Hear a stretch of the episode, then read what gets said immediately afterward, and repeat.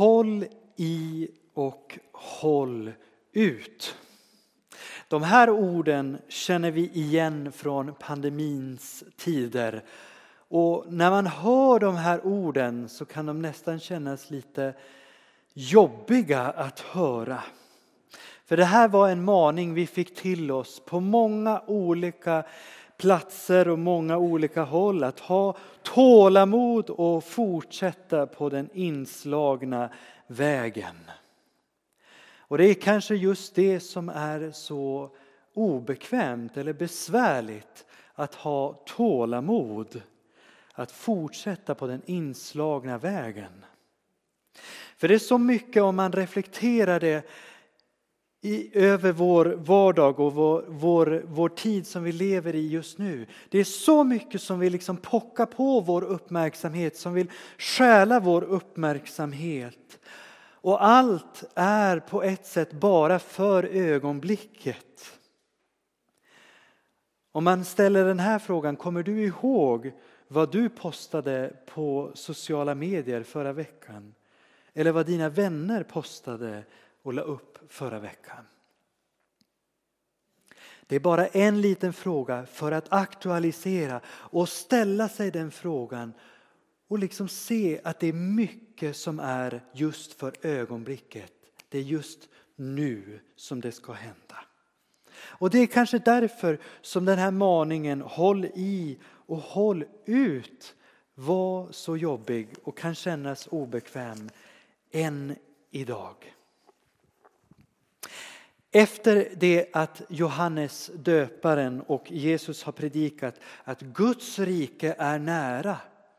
Och på andra ställen så predikar Jesus att Guds rike inte bara är nära utan som vi hörde i beredelseordet, Guds rike är nu. Det är Guds rike är nu och det kommer. Så Guds riket var inte bara nära utan Guds riket är här och nu. Men det kommer en gång i framtiden i sin fullhet. Och efter att de har predikat om Guds riket så bildas gemenskaper av troende runt hela Medelhavet, runt Israel eh, och hela Medelhavet. Och en av dessa gemenskaper var mottagarna av det brev som vi har framför oss. Det brev som kallas för Hebreerbrevet. Och vi vet faktiskt inte vem som är författaren till Hebreerbrevet. En av kyrkofäderna i, på tidiga, eh, i tidiga kyrkohistorien sa att det är bara Gud som vet vem som har skrivit Hebreerbrevet. Men av misstag så kanske jag kommer att nämna som Paulus säger men då, då, får ni bara tänka bort det. Det är därför att jag är så mycket inne i Paulus i alla mina bibelstudier och sådär. Så det kan komma automatiskt, automatiskt att jag säger att Paulus skrev det. Men då får ni bara tänka bort det. Men vi vet inte egentligen vem som skrev Hebreerbrevet. Det är en av de sakerna som ska bli intressant att veta i himlen. Men vi vet att mottagarna av det här brevet vi vet att mottagarna av Hebreerbrevet har fått utstå mycket på grund av sin kristna tro. Och mottagarna känner också till mycket av det som vi kallar Gamla testamentet idag, Tanach, Torah, Neviim, Ketuvim. Skrifterna, de gammaltestamentliga skrifterna, de känner till dem. Och författaren av det här brevet kopplar också in i deras förförståelse. Han använder mycket gammaltestamentliga referenser när han skriver Hebreerbrevet. Eller hon skriver. Det kan ju vara en hon också. Så i, i hela brevet så målar författaren upp att Jesus är bättre. Att det har kommit någon som är bättre än det som har varit. Förut så har det varit det här, men nu så har det kommit en ny och levande väg. Nu har vi en ny och högst, en överste präst som inte kan jämföras med de prästerna som fanns i Gamla Testamentet. Så Hebreerbrevet målar upp den här nya vägen, den bättre vägen. Vi har den bättre överste prästen, en högre överste präst än allt annat vi har sett förut. Så det är det som vi får liksom bära med oss när vi hör de här orden. Och jag vill bara att vi ska höra orden igen. Kom ihåg hur det var förr när ni nyss hade blivit upplysta. Ni utstod många lidanden. Ni blev smädade och förföljda och gjordes till allmänt åtlöje. Eller också ställde ni er vid deras sida som behandlades så. Ni led tillsammans med dem som satt i fängelse och ni fann er med glädje i att bli berövade er egendom. Därför att ni visste att ni ägde något bättre och mera varaktigt. Ge inte upp er frimodighet, den ska rikligen belönas. Uthållighet är vad ni behöver för att kunna göra Guds vilja och få vad han har utlovat. Ty ännu en liten tid sen kommer han som ska komma och han ska inte dröja. Min rättfärdige ska leva genom sin tro. Men om han drar sig undan är han inte längre till glädje för mig. Vi hör inte till dem som drar sig undan och går förlorade utan till dem som tror och räddar sitt liv. Så vad är det vi kan ta med oss utifrån den här texten i Hebreerbrevet kapitel 10? Jo, jag skulle vilja att vi tar med oss några stycken saker som finns i den här texten. Och för enkelhets skull så har jag eh, liksom satt dem under bokstaven K. Det första som finns i den här texten, det allra, allra första som uppenbaras för oss i Hebreerbrevet kapitel 10, vers 32 till 39. Det är Kom ihåg. Det är så den här texten börjar. Vers 32 börjar med de här orden. Kom ihåg hur det var förr Alltså när ni nyss hade blivit upplysta, när ni just hade kommit till tro, när ni just hade blivit räddade av Jesus Kristus, när ni hade fått ta del av evangeliet, när ni hade blivit upplysta genom evangeliet, när ni hade tagit emot evangeliet. Kom ihåg hur det var då, säger författaren till församlingen. Kom ihåg, det är så den här börjar. Och så, så liksom listar författaren vilken kontext som gemenskapen, församlingen eh, var i. Ni blev smädade, förföljda, gjordes till allmänt åtlöje. Eller så säger författaren, eller så ställde ni er vid deras sida som behandlades på det här sättet. Ni led tillsammans med dem som satt i fängelse. Ni fann er med glädje i att bli berövade er egendom. Det här är fruktansvärda saker. Känn tyngden i de här orden och bara gå, gå inte förbi dem för hastigt. För att det finns oerhört tyngd i de här orden. Det är någonting fruktansvärt som händer den här gemenskapen på grund av att de har varit i kontakt med Jesus. De har kommit i kontakt med Jesus och får lida, utstå förföljelse och det, till och med finner deras glädje i att bli berövade sin egendom. Tänk dig in i den här kontexten om det skulle vara du och någon skulle ta ifrån dig din egendom, allt det du ägde, allt det du hade, bara på grund av att du tillhörde Jesus från Nasaret. Det är den vikten som finns i den här orden. Men så står de här orden. Men ni led tillsammans med dem som satt i fängelse. Ni fann er glädje i att bli berövade er egendom Därför, vad står det i vers 34? därför att ni visste att ni ägde något bättre och mera varaktigt. Ni såg allt det här som hände er. Och det var nästan som att ni satte det på en vågskål. Det var liksom att bli förföljd och smädad, att bli, liksom, få all sin egendom förlorad. Och det gjorde ni med glädje. Men, står det i vers 34, därför att ni visste att ni ägde något bättre och mer varaktigt. De visste vad de hade i evangeliet. Och vågskålen där man lätt skulle kunna tänka att alla de här sakerna som händer med församlingen skulle tippa över. Men sen så säger de, ni visste att ni hade något mer varaktigt.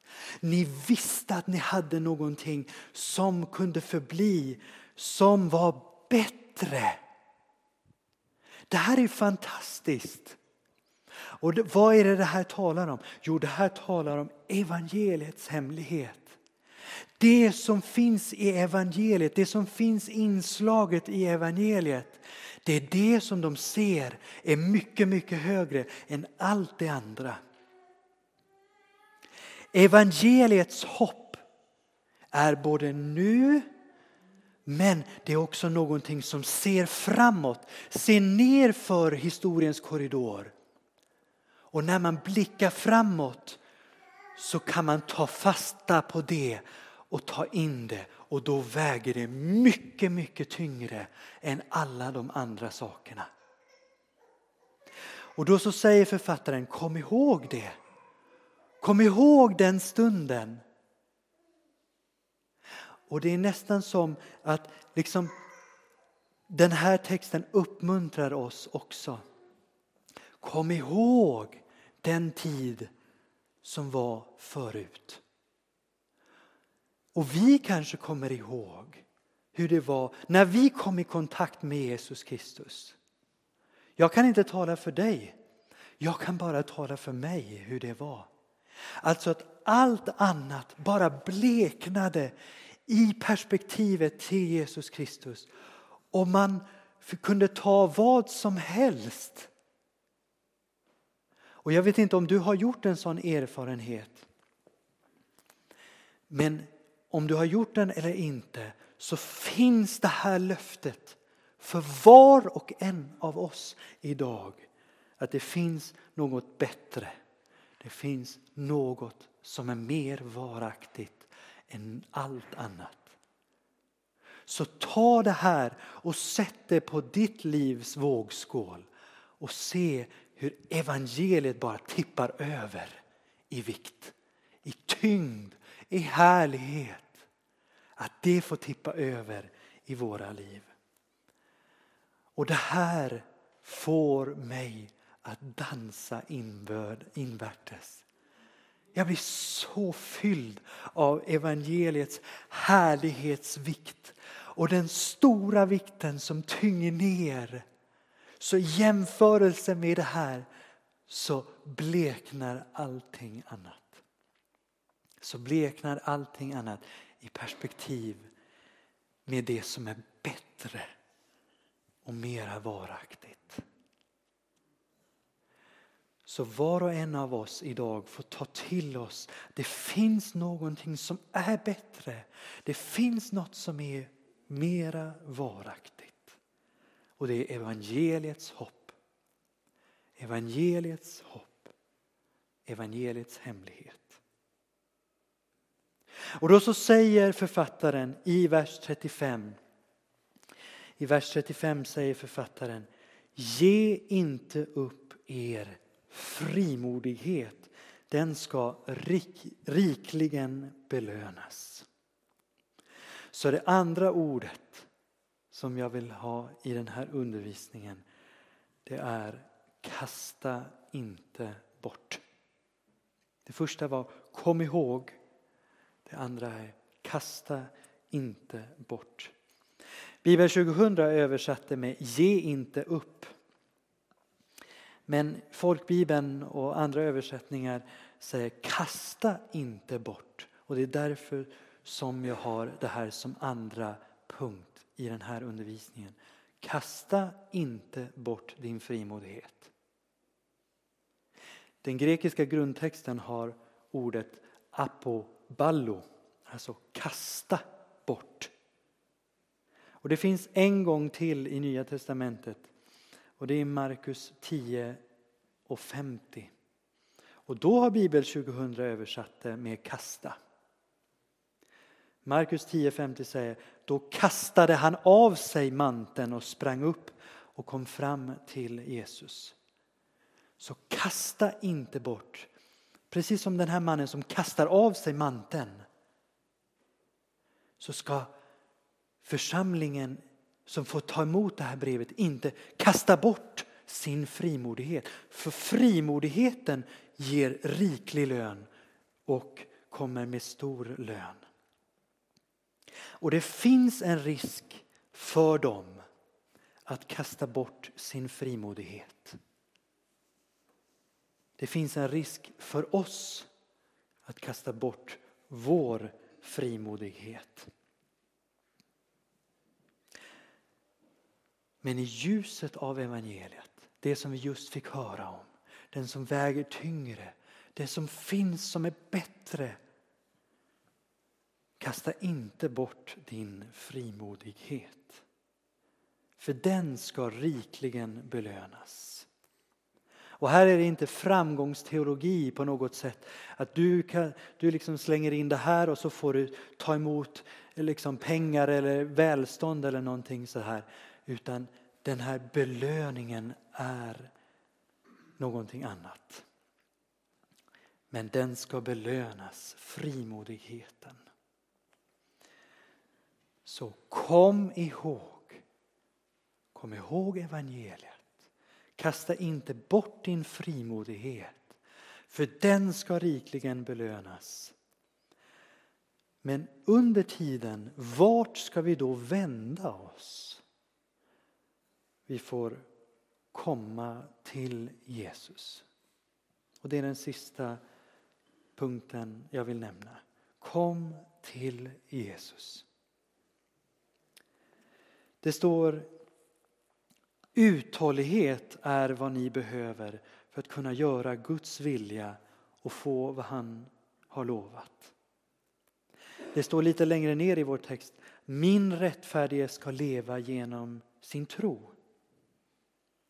Och det allra, allra sista som finns i vår episteltext för idag är vi hör inte dem, till dem som drar sig undan och går förlorade utan till dem som tror och räddar sitt liv. Det står om uthållighet och tro. Det är där vi ska liksom satsa våra hästar. Det är där vi får satsa vårt krut. Det är det som författaren till Hebreerbrevet säger. Vi behöver uthållighet och vi behöver leva ett liv i tro. Men vad är det att tro? Jo, många kan få för sig, och det har funnits rörelser inom vår kristna kyrka som har verkligen poängterat och sagt att ja, men man ska tro och det, det är bara tron som står i centrum. Att man ska tro nästan på sin tro. Att man ska tro på sig själv liksom. Men det är inte det vad ordet säger. Tron står ju aldrig själv. Tron står aldrig ensam. Tron har alltid ett objekt. Så att liksom, man ska, det här med att arbeta upp sin tro, vad, vad är det för någonting? Det är inte nytestamentligt i alla fall. Utan tron har alltid ett objekt. Så vad är det att tro? Jag vill bara erbjuda er någonting som jag tror är det som Hebreerbrevet vill komma åt. Jo, att leva i tron på Jesus är att leva i ljuset av det han har gjort. Att leva i ljuset av evangeliet. Att komma till honom kontinuerligt och be honom om nåd att vara beroende av hans nåd. Att vara beroende av honom.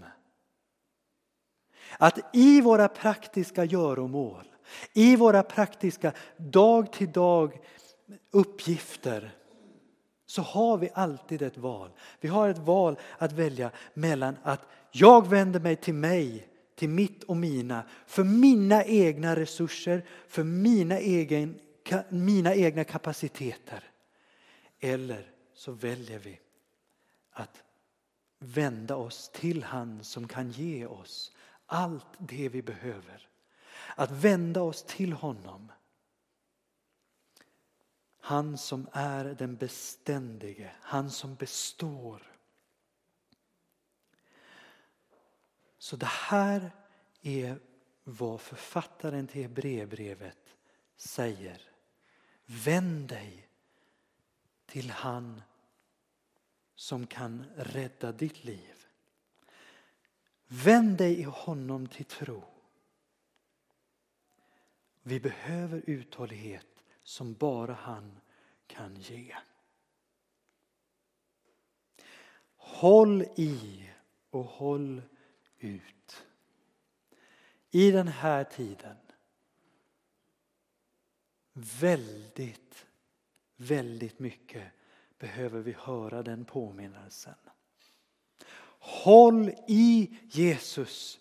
Håll ut i tron på honom. Den här veckan. Tänk på det du. Amen.